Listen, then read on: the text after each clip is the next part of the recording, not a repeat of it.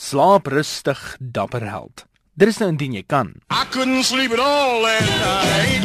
Think it Dit maak sin dat ons matras en kussing ons slaappatrone en die gehalte van ons slaap kan beïnvloed. Wat moontlik minder logies is, is dat die kleur van jou kamermure en ander dekor ook 'n rol kan speel. Navorsers in 'n studie van 'n Britse hotelgroep, Travelodge, het 2000 huise oor die wêreld heen bekyk om die invloed van die kleur van die kamer op die gehalte van slaap te ondersoek.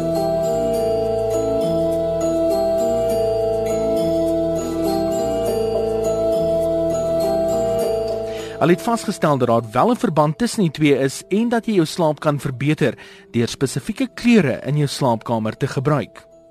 Jenny Jamison sê volwassenes benodig gemiddeld sowat 7 uur se behoorlike rustige slaap per nag om produktief te wees. Sy is die ontwikkelingsbestuurder van 'n slaapproduk spesialis. Sy gaan voordeur te sê, die kleure van jou kamer sowel as jou matras en kussing speel 'n groot rol in die gehalte en hoeveelheid slaap wat jy kry. Dit is dus belangrik dat alles in jou slaapkamer 'n atmosfeer moet skep wat tot slaap kan bydra. Hush, little baby, don't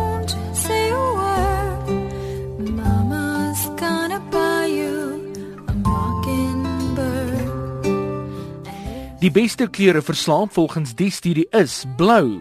Blou dra by tot 'n langer rustyd en is kalmerend. Geel skep 'n gelukkige atmosfeer in die slaapkamer. Oranje ontspan die spiere. Silwer boots maanlig na en laat die brein dink dit is nag. En pink dra 'n gevoel van positiwiteit en ontspanning oor. Die slegste kleure vir slaap volgens hierdie navorsing is rooi. Dit versnel die puls wat nie goed is vir slaap nie. Pers kan die denkproses en verbeelding stimuleer en so die liggaam energie gee en dit kan ook nagmerries aanhelp.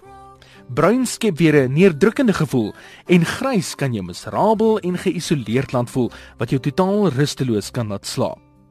Nou dat jy weet watter kleure in jou slaapkamer hoort, maak seker jou kussing en matras bring ook hulle kant. As jy nuus moet kry, kyk na verskeie reekse wat daar is en veral die wat jou nek en jou kop ondersteun. Slaap rustig indien moontlik.